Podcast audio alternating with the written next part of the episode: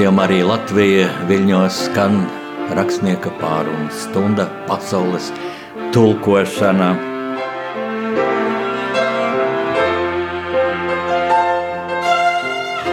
Man mīļie, es jums visiem vēlu ļoti, ļoti laimīgu jauno 2023. gadu. Un pirma, pirmkārt es to vēlu mūsu studijas viesim, Latvijas eksprezidentam Valdim Zatleram. Paldies! Ko jūs, eh, prezidenta kungs, gaidat no šī jaunā gada? Nu, pirmkārt, tas būs turpinājums šim gadam, kas mums ir bijis eh, gan izaicinājumiem pilns, gan eh, arī, arī patīkamiem pārsteigumiem pilns.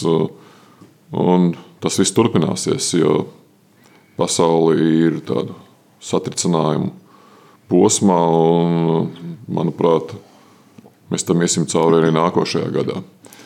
Viss būs atkarīgs no tā, cik labi mēs tam būsim sagatavojušies. Man patiesībā ir tāds nu, brīnums, cik ātri šis gads paskrienas. Varbūt arī tādēļ es brīnos, ka man ļoti spilgti ir atmiņā mūsu iepriekšējā saruna. Tātad pirms gada, iepriekšējā gada mijā, kad jūs sēdējāt Radio Marija Latvijas studijā. Un es jums jautāju, Kā jūs paredzat, eh, ka, kā beigsies vai kā izvērsīsies šī Krievijas agresīvā rosīšanās pie Ukraiņas robežām? Un man ļoti pārsteidza jūsu atbildi.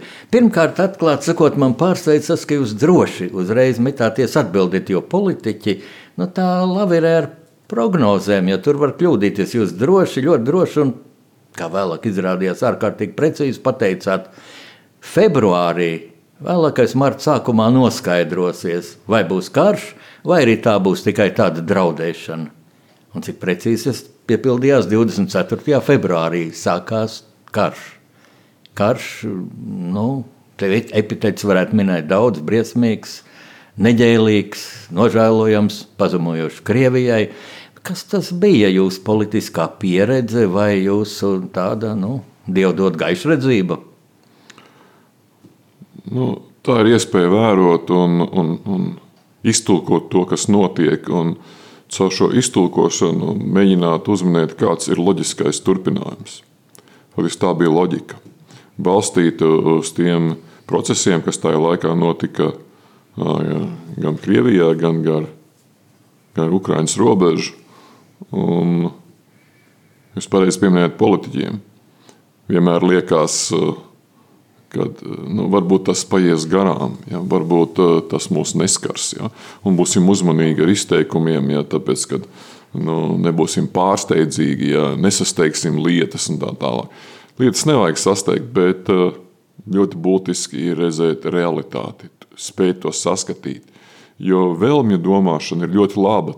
Mēs sapņojam, mēs kaut ko vēlamies radīt, mums ir mērķi, bet vienmēr mēs atrodamies kaut kādā vietā un ir notikumi ar mums, kas, kas visu to ietekmē. Un šī realitāte ir jāsaskata. Un arī ir jāsaprot uh, cilvēku domāšana un jāsaprot to, ka uh, dažādu kultūru cilvēki domā ļoti atšķirīgi.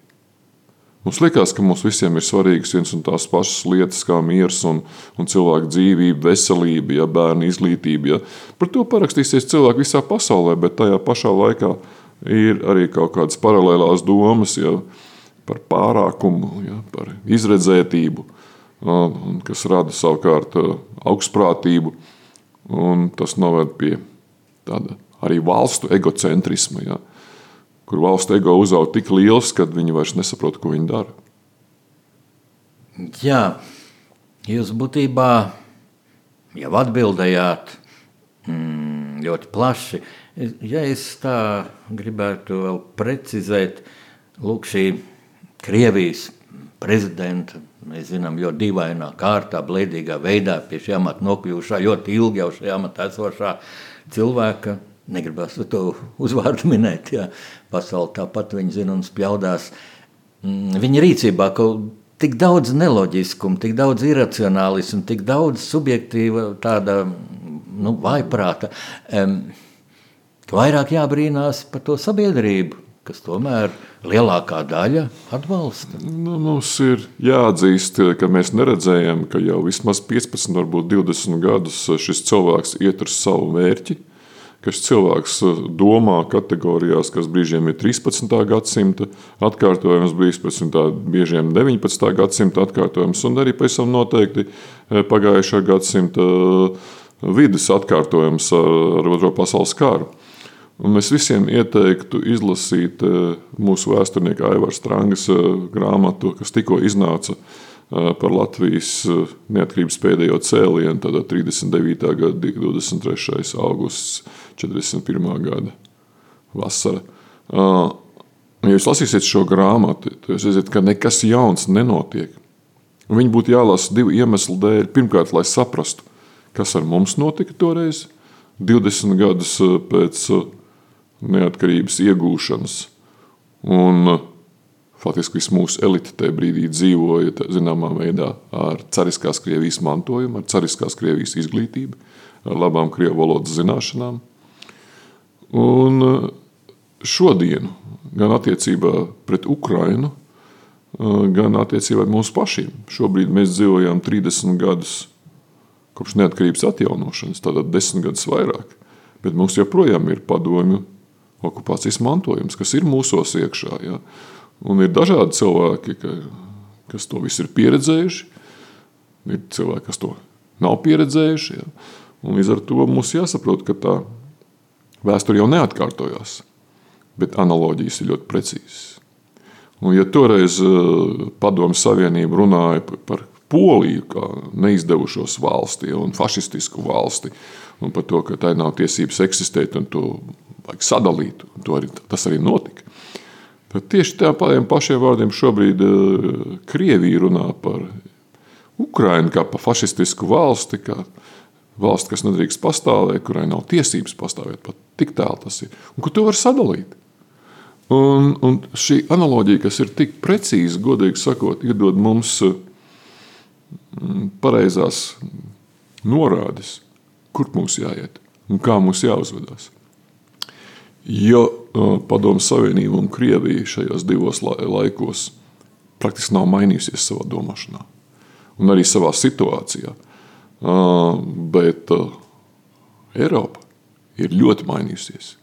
Un tā ir arī šī kunga neveiksmes galvenais iemesls, ka šī vairs nav Eiropa 39. gadā. Šī ir Eiropa 2022. gadā un līdz ar to sasniegt tos mērķus, ko viņš sasniedz toreiz. Ne jau viņš, toreiz Stalins, jā, nebūs iespējams sasniegt. Tas reizē dod ļoti lielu pārliecību, jā, bet reizē liek mums ļoti daudz ko mācīties un vērtēt, jo šis ir arī pārvērtē, pārvērtēšanas laiks ļoti daudzos cilvēkos. Ja jūs pirms gada nu, tik precīzi prognozi minējāt, un tik droši, un tā, tā piepildījās. Nu, man ir liels kārdinājums prasīt jums, kad jūs paredzat, nu, kādas šī kara beigas, lai gan atbild, kādas šī kara beigas, nu, es domāju, te katrs jau redz, ka Krievija ir zaudējusi, bet... Nu, pirmkārt, vieglāk ir brīdināt cilvēkus par briesmām, ja?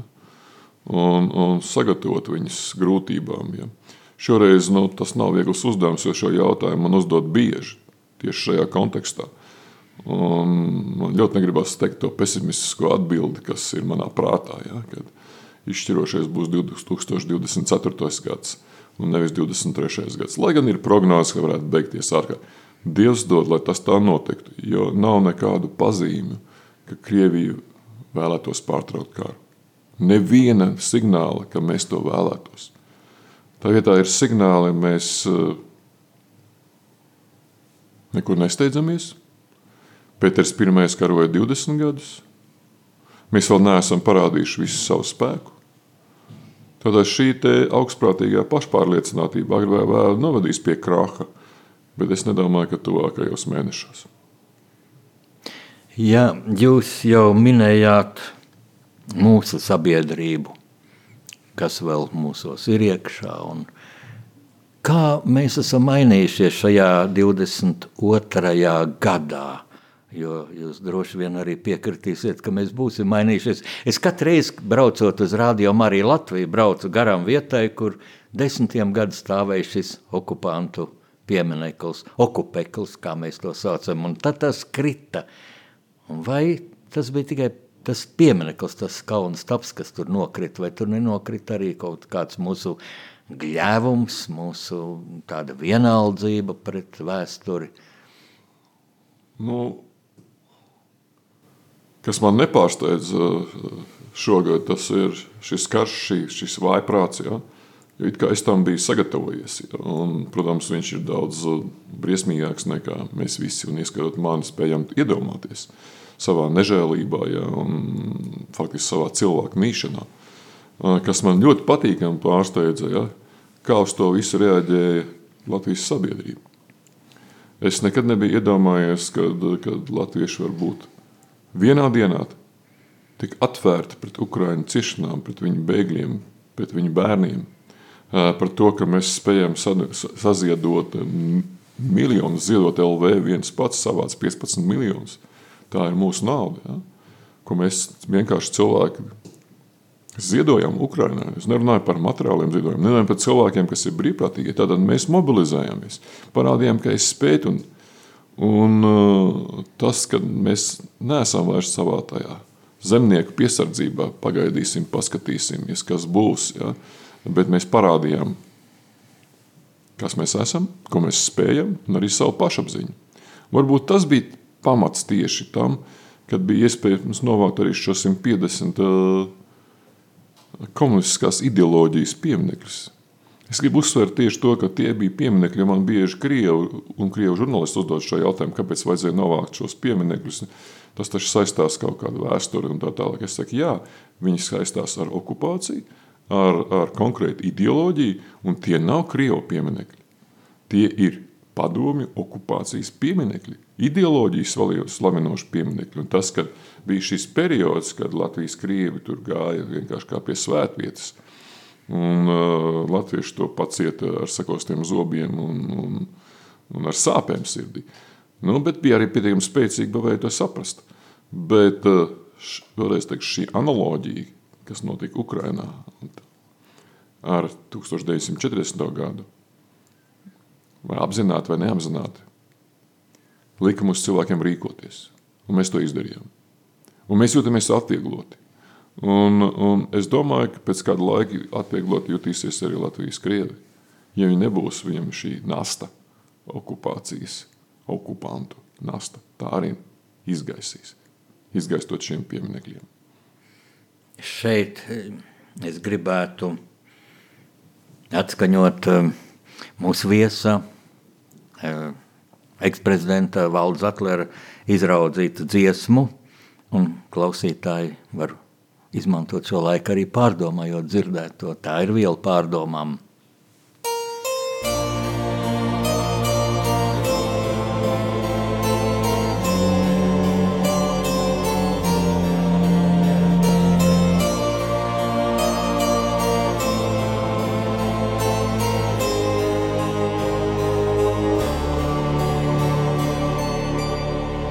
Vismīļā māte Marija, dod savam dēlam padomību, lai iesēj mūsu zemītē. Tik mīlu vien, tik mīlu vien, jo mīlu, kas no zemes cels, mūs viņa tumsas naida bailu nav. Tik mīlā vien, tik mīlā vien,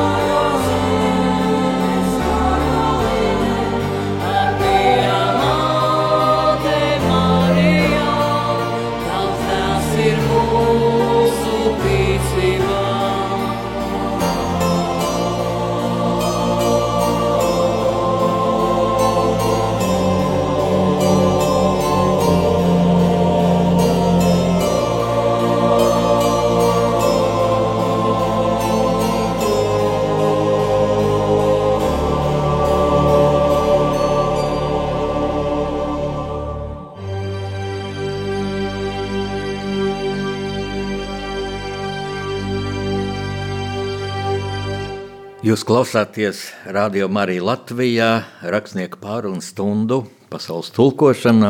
Šodien mēs, rakstnieks Jānis Udris, eh, cenšos tulkot, vai precīzāk sakot, dod iespēju tulkot šo nu, ļoti sarežģīto pasauli, īpaši aizvadītajā 22. gadā. Mm, Dod šo iespēju eksprezidentam Valdim Zakleram. Zakler kungs, paldies, ka jūs atradāt laiku atnākt pie mums. Jūs ļoti aktīvs esat sabiedriski, ļoti bieži mēdījos esat, esat redzams. Un, Jūs jau tā ļoti dziļi ieskicējāt, ne ieskicējāt, iezīmējāt, ļoti pamatīgi iezīmējāt šo Krievijas karu Ukrainā. Tagad man liekas ļoti būtiski ir vēl turpināt tematu par to, kā mēs mainījāmies kopš 24. februāra. Es kaut kā iekšēji to ļoti jūtu, bet jūs, protams, tā salikt pa plauktiņiem, tas, tas, tas ir filozofiski. Ja? Tā tad mēs kļuvām sabiedriski aktīvi. Latvija taču ir proporcionāli, ja pirmajā vietā palīdzības sniegšana Ukrainai. Pat ar ieročiem, ja, nu, protams, mēs ļoti maz varam dot salīdzinot ar Ameriku, bet proporcionāli. Ja per capita, teiksim, cik ir mūsu nacionālais koprodukts un tā tālāk, ja, salīdzinot ar milzīgu Ameriku, ar, ar bagāto Vāciju. Kā jūs atbildētu uz to, vai kā jūs komentētu to? Mēs beidzot esam apzinājušies to un nebaidāmies to paust skaļi, ka esam stipra tauta un tauta, kas zina, ko viņi vēlas. Un tauta, kas spēj jā, ne tikai just līdzi citas tautas sāpē, sāpēm, bet arī palīdzēt, piedalīties, un tas ir ļoti labs rādītājs. Ja daudz pētījumu pasaulē rāda, ka ir tikai apmēram 10% cilvēku, kas uztraucās vai, vai pārdzīvo par notikumiem kādā citā valstī. Lai gan tas arī ir diezgan liels skaitlis, 10% ir daudz. Ja mēs paskatāmies uz šiem skaitļiem, ka tieši latvieši vairāk kā 90% momentāli ne tikai domā, bet arī dara un palīdz Ukrainai, tas noteikti tiks novērtēts. Un ne tikai no Ukraiņiem. Jo, redziet, visiem ir tāda ilūzija, ja, ja jūs rīkosiet kārtīgi publisko attiecību kampaņu par savu valsti, tur smukiem lozungiem un tērēsiet lielu naudu starptautiskos mēdījos, ka jūsu valsts sāks vairāk cienīt vai kļūs vairāk pazīstama. Nu, tas, diemžēl, tā nav. Tā ir zemē nomesta nauda, bet ar savu rīcību, tieši ar savu rīcību attiecībās pret citām valstīm, parādot to, ka jums nav viena alga, jūs iegūstat labu reputāciju. Par jūsu valsti domā kā par izcilu valsti. Un, un tajā ziņā mēs esam ieguvuši ļoti daudz. Un, un mēs atkal nonākam pie tā, mēs kā neliela valsts, vai mēs spējam ietekmēt eh, pasaules procesus? Varam. Caur šo savu aktīvo darbību daudz to novērtē. Pastāst drusku savādāk. Un arī pastāst uz Ukrainu savādāk. Es uzstājos Pasaules Brīvā Latviešu apvienības sanāksmē Rīgā rudenī. Viņi jautāja vienu jautājumu, ko mēs varam darīt šajā, šajā brīdī. Es teicu, jūs varat darīt vienu ļoti svarīgu lietu. Latvijas vārdā labējiet, pārlieciniet savu valstu valdības, kad ir jāpalīdz Ukrainai. Jo mēs to darām, un arī viņiem tas ir jādara. Un tā solīt pa solītim, jā, mēs palielinām savu ietekmi, ka mūsos ieklausās. Jau šajos 30 gados ja, mēs bijām rusofobi, ja, tie baltieši ja, ne, ne, neieradz krievus, ja, tāpēc viņi zina, visu laiku muļķības runā. Un tagad mēs no rusofobiem esam pārvedušies par Krievijas ekspertiem, par brīdinājumu signālu. Mūsos ieklausās, ja mēs spējam kaut nedaudz prognozēt, kā rīkosies lielais kaimiņš savas pieredzes dēļ Gan padomju okupācijas pieredzes dēļ, gan arī tās pieredzes, kas mums bija tieši šajos 30 gados, gan ar Krieviju, gan ar Latvijas krieviem. Šis gads iezīmē arī tādu jaunu problēmu, kas man brīžiem pašam liek savu vērtību sistēmu pārskatīt. Mm, arī tādas bažas rada par mūsu sabiedrību. Mm, vai mēs, protams, atpazīt savus sabiedrotos, un objektīvi novērtēt, un vai mēs nemeklējam kaut kur ienaidnieks tur, kur nevajadzētu meklēt. Mm, sabiedrībā tādu nu, lielu rezonanci izraisīja aktrise Hamato, kas nevien pārnāca dzīvot Latvijā, un viņai ir interesants lomas, jau mono uzvedums mm, jaunajā teātrī. Mm, viņa dabūja augstākos laurus Spēlmaņa naktī, un milzīga kritika. Uh, un viens kā vērtē to mākslas sniegumu, bet zemtekstā jau ir tas politiskais, ka viņi ir piedalījušies kādreiz Putina reklāmas kampaņā. Un viņi to ir skaidrojuši televīzijā, un tas ir fakts, ka viņi ir piedalījušies, bet viņi taču sevi ir pārvērtējusi. Viņi aizbēga no Krievijas. Kā jūs, kā, kā, kā Latvijas pilsonis, kā Latvijas, kā cilvēks to vērtētu? Nu, es tādas divas tēmas attīstīšu. Pirmā par to kā atrast uh, dažus ļaunprāšus mūsu vidū. Pirmkārt, vajag ticēt, ka cilvēki tomēr ir labi. Un uh, varbūt daudz teiks, tas ir naivi, ja, tāpēc, ka viņi varbūt slēpj savu, savu patieso būtību. Jā, viņi slēpj savu patieso būtību, jo izmainīt cilvēku domas un uzzināt par cilvēku domām, kuras viņš nesaka skaļi, nav iespējams. Uh, līdz ar to, ja mēs iesim ar labvēlīgu attieksmi Un mēs iesim ar labvēlīgu attieksmi līdz tam brīdim, protams, ja kāds pārkāp šo sarkano līniju. Mēs ļoti labi zinām, tas ir kara propaganda, ja? Putina atbalstīšana publiski, ja? uh, Ukrainas noliekšana. Ja? Uh, tad, protams, viņš momentāli jāsūda un jāizstum no mūsu sabiedrības. Bet uh, tam pirmam solim būtu jābūt ar labvēlīgu attieksmi. Jo ticēt uh, kādam cilvēkam nozīmē arī dot viņam iespēju. Jo šis ir ļoti liela pārdomu laiks, pārvērtēšanas laiks, un ne tikai Latvijā, Latvijas krieviem.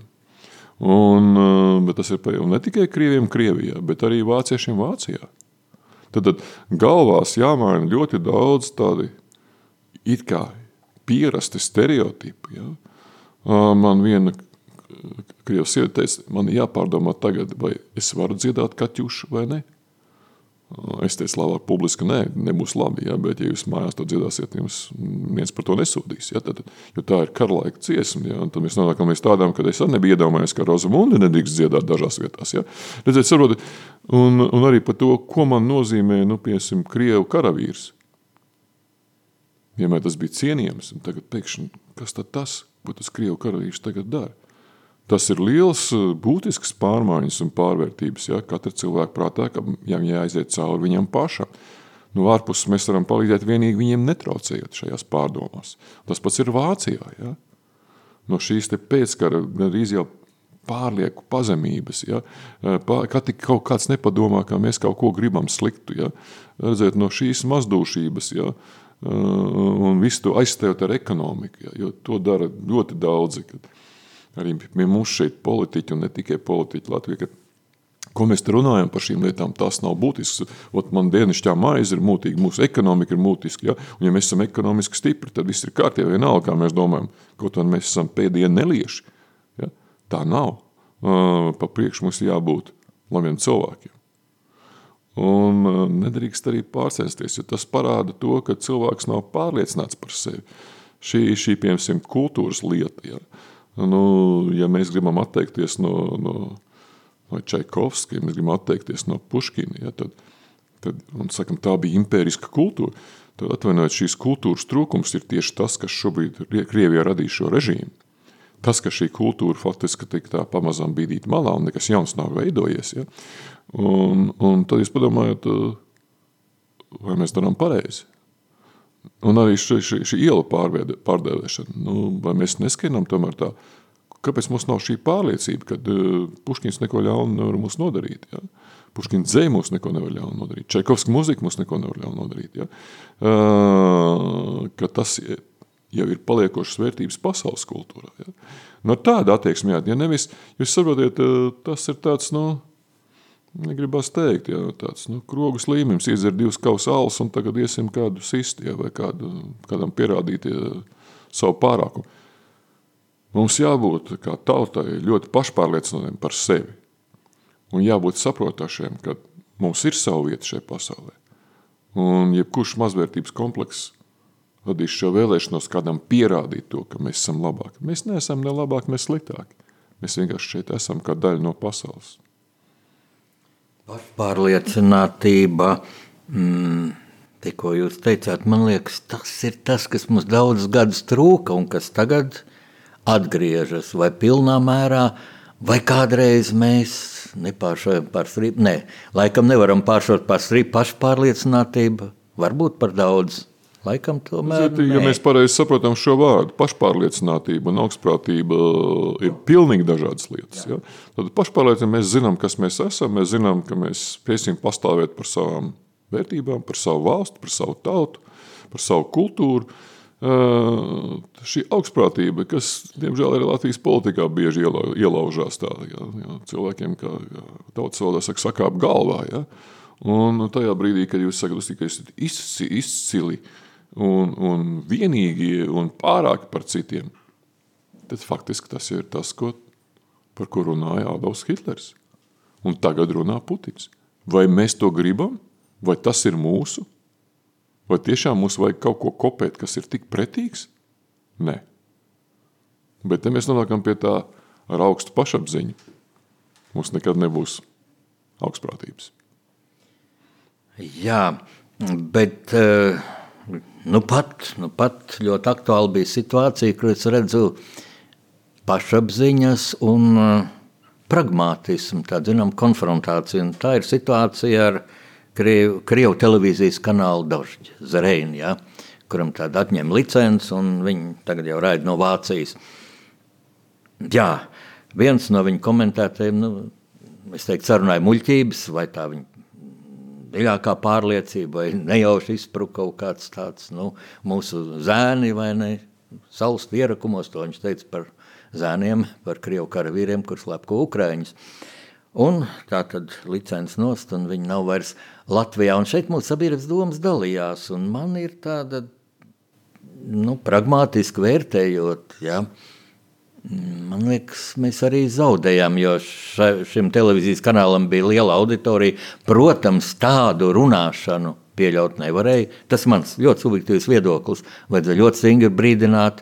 Viņi arī atlaida to komentētāju. Nu, varbūt varēja teikt, šis pēdējais brīdinājums jums līdzi, nu, tad vai nu būtu kāds nākamais solis, atkal kāds klupiens viņiem vai nē. Bet no otras puses šī pasapziņa, jā, Mēs šeit ieguvām, bet pasaules reakcija, un ļoti tālu tas aizskanēja, te bija nu, faktiski tāda kritiska attieksme pret Pasaulē ir Latviju. viena problēma. Mēs ļoti maz viens par otru zinām. Un atkal ir šī stereotipa domāšana. Ja? Un uh, pakļauj vienu situāciju, kas ir pilnīgi nevainīga, kādai situācijai, kas īstenībā ir bīstama. Ja? Un it kā viņas izstāsta no ārpuses tā gandrīz vienādi. Uh, pirmkārt, ka uh, mēs izdarījām pareizi viņus ielaižot šeit. Tad devām viņam iespēju strādāt demokrātiskā valstī, brīvā valstī ja? un, un raidīt. Ja? Nu, tas, ka viņš šo iespēju nemācīja izmantot, jo viņi nebija pieraduši strādāt demokrātijā. Viņi turpināja strādāt tāpat kā Krievijā. Ja. Uh, tad arī bija pareizi, kad mēs viņus slēdzam. Uh, jo jautājums, ko mēs no viņiem ieguvām? Ja mēs naivi domājam, ka no tā iegūs Krievijas sabiedrība, ja, tā sāks domāt, tā sāks ietekmēt procesus Krievijā, paskatīsimies, uh, kam tad viņi īsti raidīja. Latvijai, Latvijas Krievijai? Nē. Krievijai centās, bet maz, un pārsvarā viņi raidīja Krievijas emigrācijai. Krievijas emigrācija viņus finansēja, un faktiski Krievu emigrācija visā pasaulē viņus skatījās.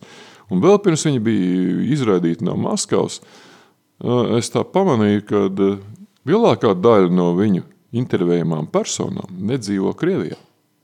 Viņas dzīvo kaut kur citur.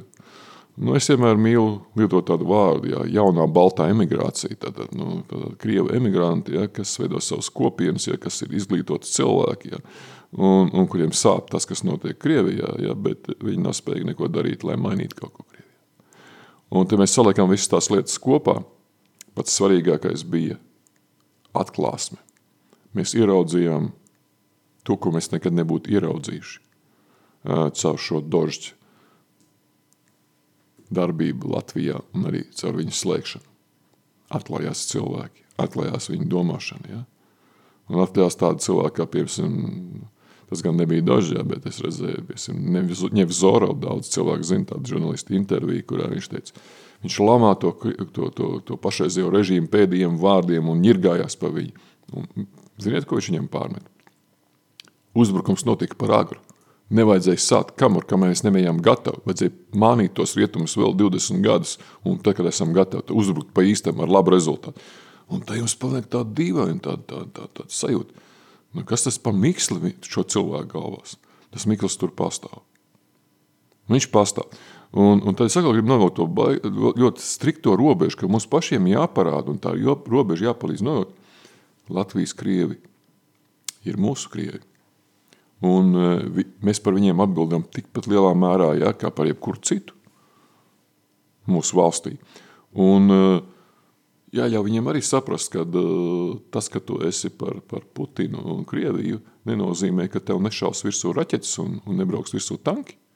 Un kad īstenībā šī dalība NATO, par kuriem viņiem bija da, dažādas domas, ir pasargājusi viņus atšķirībā no Harkivas Krievijā. Un ir jāsaprot to, ka Mēs nevaram prasīt, lai tas notiktu vienā dienā, jo ir šis arī kā, kā padomu mantojums cilvēki, nu, manā vecumā, kas ir dzīvojuši padomu savienībā. Un kaut kur viņi nāk līdzi visu laiku galvās un mūsu domāšanās un atziņās. Ir pašā laikā, kāpēc viņi ir nepilsoņi. Viņi pat nav Krievijas pilsoņi, jo tas viņiem nepatīk. Bet viņi ir joprojām padomu savienības neeksistējuši valsts pilsoņi. Ja mēs viņus definētu kaut kādā veidā juridiski. Ja. Tā kā es domāju, mums jādod daudz signālu to, ka uh, mēs saprotam šo atšķirību.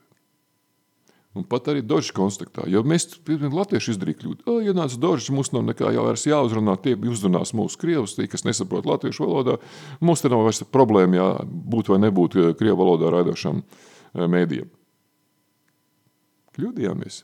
Nevajag domāt, ka kāds cits darīs darbu mūsu vietā. Pašiem jāizdara. To jūs dziļi pateicāt.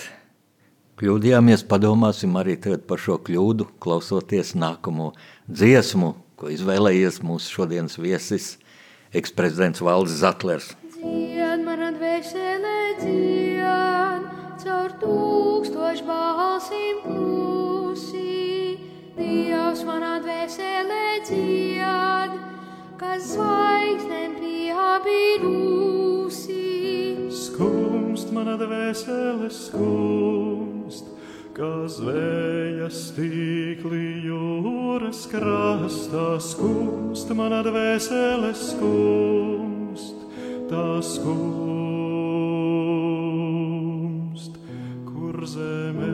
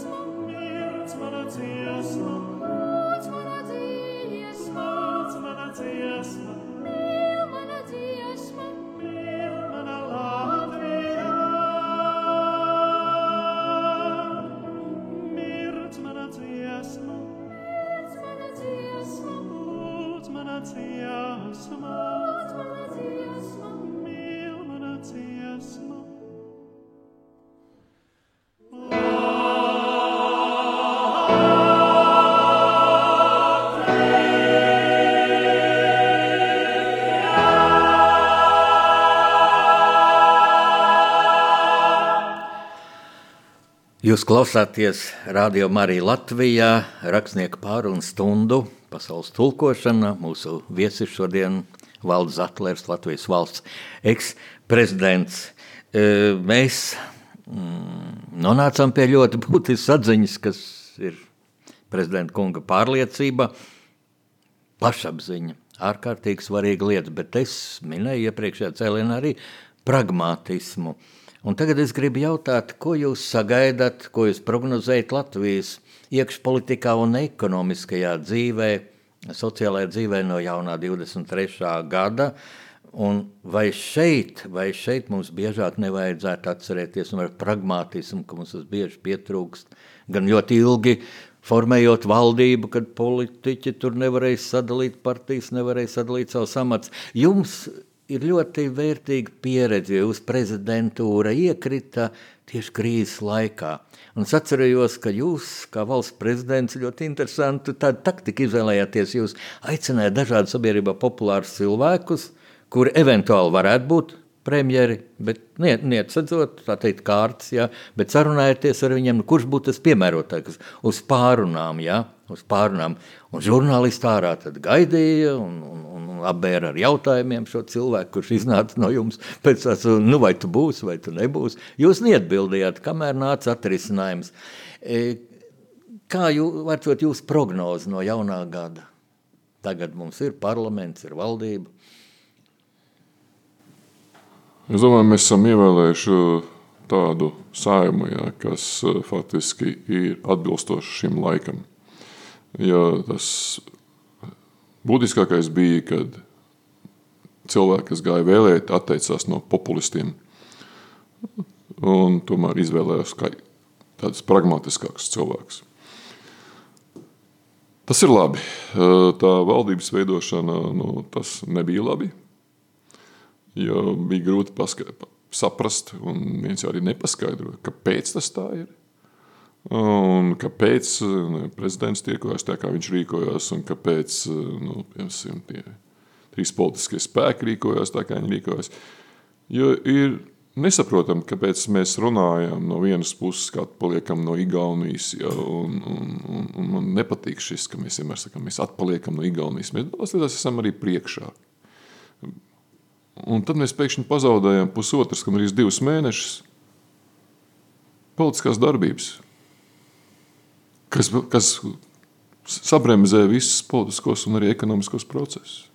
Un paļaujamies uz to, ka nu, viss jau tāpat strādā. Mums jau šodien nav budžeta. Jaunais gads, nē, mums nav budžeta. Pirms 20 gadiem tā būtu traģēdija. Kāpēc es to saku? Tāpēc, ka īstenībā jau tā valsts var funkcionēt arī bez valdības izrādās ar, ar tehnisku valdību, ja, un nekas traks nenotiek, ja, un, un, un bez budžeta, ja, jo kaut kas jau tur pēc inerces iet, un visi ar to ir apmierināti, visi zina, kā rīkoties. Jā, sabiedrība ir kļuvusi daudz stabilāka, valsts ir kļuvusi daudz stabilāka, bet tas noteikti nebija valsts attīstības interesēs. Tas kaitēja.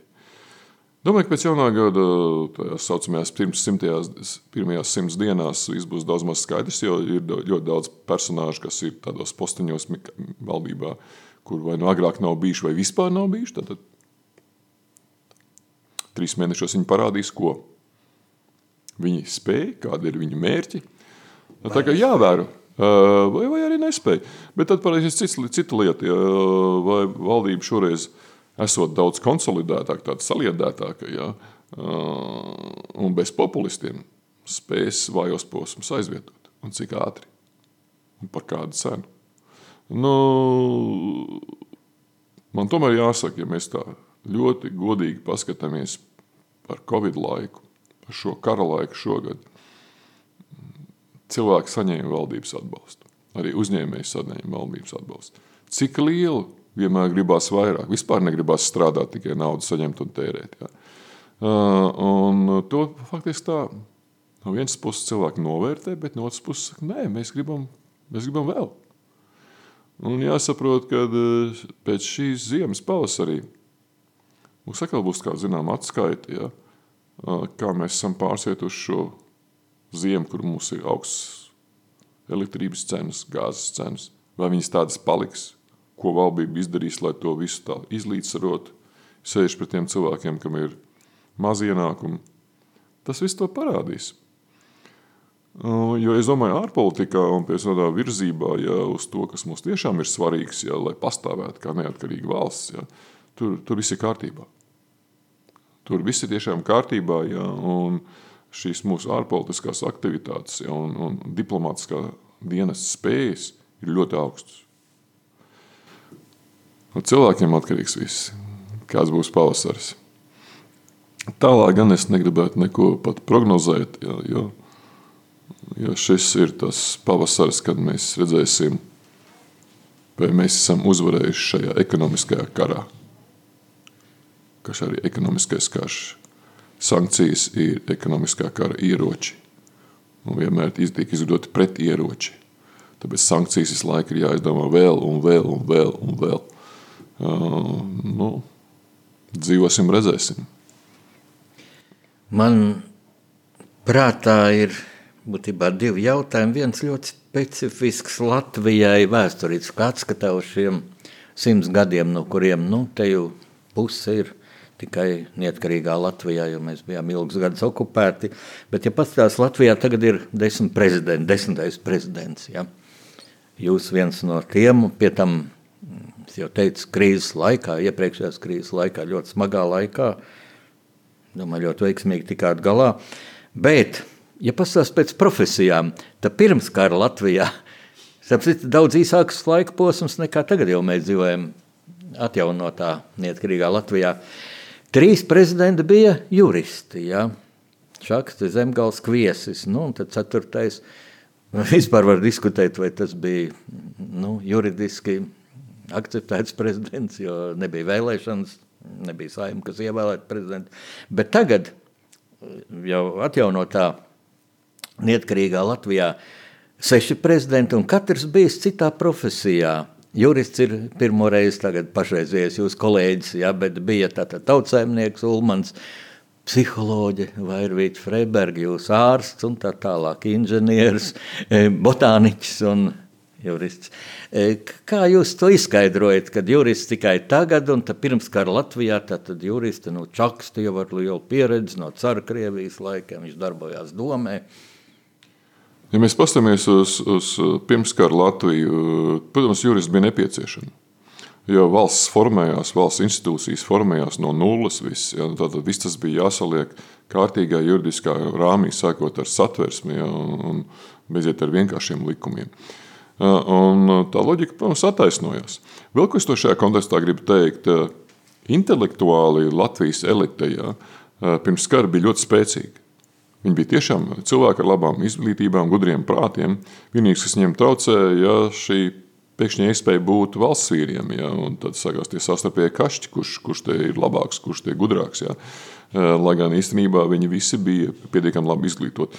Tu vari paskatīties, ja pas, paskatās viņu runas, paskatās, ka, ko, viņi ir, ko viņi ir teikuši, ja, kā, kādas ir bijušas piesim šīs teizina, visas tā saka. Sarunas ar tautu, ja, tie bija profesionāli cilvēki. Šogad pēc, pēc atjaunošanas katram laikam droši vien ir nepieciešams kāds cits prezidents ar citu dzīves pieredzi. Jo mēs jau faktiski daudz satversmes atjaunojam, tur tikai papildinājam. Jo tautas vajadzības bija dažādas. Un laika dažā, vajadzības bija dažādas. Un varbūt tieši tas, ka katram prezidentam bija cita dzīves pieredze, ja, palīdzēja tieši viņa laikā darīt to darbu vislabāk. Jo, ja iedomājieties, ja mums tagad visi būtu pēc kārtas juristi, ja, nu, tā situācija būtu daudz savādāka. Tā kā nevajag teikt, ka nu, der tikai jurists vai der tikai filozofs vai vēsturnieks. Ja.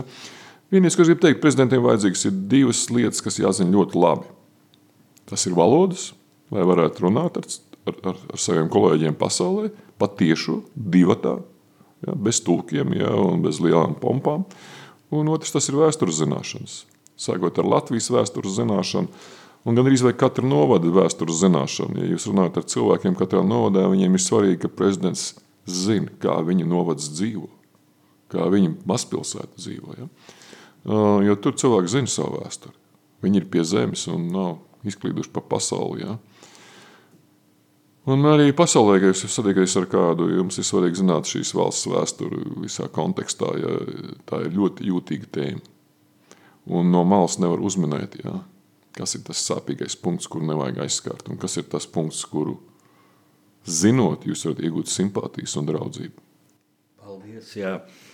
Man tagad radās kārdinājums prasīt, kad jūs tikāt ievēlēts par prezidentu un strādājat īpaši sākumā, ja pirmajā gadā, jūs jūtāt, ka jūs ārsta profesija palīdz. Viens jau e, valodas zināšanas reiz pamanījums ir laba angļu valodas, nezinu, vai vēl kāda svešu valoda, Bet, Krievu valoda ir svešu valoda. bet, bet jūs neesat pirmais ārsts, pie kur es redzu, ka labi zina svešu valodas, tad medicīnas institūtā, e, tas ir e, svešvalodu katedra ļoti spēcīga, ja vismaz tajā laikā, kad jūs studējāt bija. Nu, tā, tā, teikšu tā, ka valoda nāk no, no, no pamatskolas un vidusskolas. Aha. Un uh, medicīnas institūtā tolaik mācīja arī, arī latiņu valodu. Ja. Ļoti maz, ja, bet es domāju, ka tas ir zaudējums, ka šobrīd jauniem mediķiem to tikpat kā nemāca. Bet kas vēl no jūsu tieši Ars, ars, redziet, redziet, no jūsu ķirurga speciālitātes, tieši Nu, ķirurgs? tad Tas jautājums tiek uzdots nu, vismaz vairākas reizes gadā. Ja, nu, tur ir tās nu, vienkāršākās lietas. Klausīties cilvēkos, ja ārstam jāklausās savā pacientā, jāveido šī uzticība, ja. prasme glabāt noslēpums. Pacienta noslēpums ir ārstam svēta lieta. Ja. Nu, pieņemt lēmumus, tā kā tev nav visi fakti zināmi, ja, jo ārsts nevar gaidīt, kamēr atnāks analīzes, ja jārīkojas uzreiz, sevišķi ķirurgs. Ja. Tā kā nu, tā lēmuma pieņemšanas sistēma ārstam ir drusku atšķirīga nekā, nekā varbūt uh, daudz citu profesiju pārstāvjiem. Bet nu un tad? Galvenais ir mācīt pieņemt lēmumus. Man nedod mieru tāda epohāla likumsakarība. Ja paskatāmies gadsimtus atpakaļ, kad vēsturē ir gājuši traģiski notikumi tādā tandēmā, kad bija lielais ziemeļkarš, un pēc tam nāca mērs, briesmīgs, miljoniem cilvēku mira, bet mēs izdzīvojam, mūsu senči izdzīvoja, kaut saka, ka vidzem bija tukšs un nebija, nevarēja dzirdēt, kur gails dzied. Pirmais pasaules karš, vienlaiks ar kara beigām nāca šī briesmīgā spāņu gripa. Un tas dīvainākais, ko daudzi nezina, kas mazāk interesēs par vēsturi, ka tieši šajā laikā mēs nodibinājām savu valsti. Savu valsti, kaut bija šī spāņu gripa, un Latvijā nežēlīgi plosījās kara apstākļos, kur bija antisanitārija, un ja pēta Latvijas armijas vēsturi, tad speciāli sanitārie vilcieni tika tur veidot ar pirtīm un, un, un, un tādi. Un tagad atkal šī vēsture atkārtojas tikai otrādāk. Vispirms bija šī Covid pandēmija, kas it kā vēl tagad tā kā ir, tā kā īsti nevar saprast, nav šie lielie ierobežojumi vairs vajadzīgi, un karš Ukrainā. Vai tā ir sagadīšanās, diez vai? Un vai mēs varam, jūs prāt, secināt, ir pamats optimismam atceroties Pirmā pasaules kara beigas, ka līdz ar kara beigām sākās mūsu valsts vēsture? Kaut arī bija šī epidēmija. Nu, lielas lietas vienmēr notiek juku laikos. Un, un tā, cilvēkiem ir ļoti viegli vienoties ap kādu lielu mērķi, ja, jo apkārtējie apstākļi to spiež. Šeit varbūt Latvijā mums nekas nemainīsies daudz, ja, bet piemēram Ukrainā uh, mainīsies Ukrainas vieta Eiropā, Ukrainas polijas vieta Eiropā. Tur daudz kas mainīsies ja, tieši šo juku laiku dēļ, jo tad ir vieglāk kaut kādas lielas pārmaiņas panākt valstī, kas attīstās. Ja? Ir diezgan grūti, tāpēc ka nu, mēs nepamanām visu to pozitīvo, kas ir paveikts 30 gados. Ja? Un, un uh, sastrīdamies par to, kas būtu jādara par rītdienu, jo dažiem ir viens viedoklis, citiem ir cits viedoklis. Tas viss ir normāli, bet tas ir daudz grūtāk. Bet, uh, ko es gribētu teikt, uh, svarīgi ir šajos laikos, kas, kas tomēr ir jūku laiki, nepazaudēt savu valsti. Pēdējā mūsu raidījuma minūte, prezidenta kungs, jūsu vēlējums Latvijai, latviešu nācijai jaunajā gadā. Miers un saticība savā zemē un visā pasaulē. Mīļie klausītāji, to teica Valdis Zatlers Latvijas eksprezidents. Man nav ko piebilst, vienīgi vēl, lai Dievs jūs svētī un sargā, jūs Zatlerkungs, jūsu ģimeni, jūs, mīļie klausītāji, lai Dievs svētī Latviju.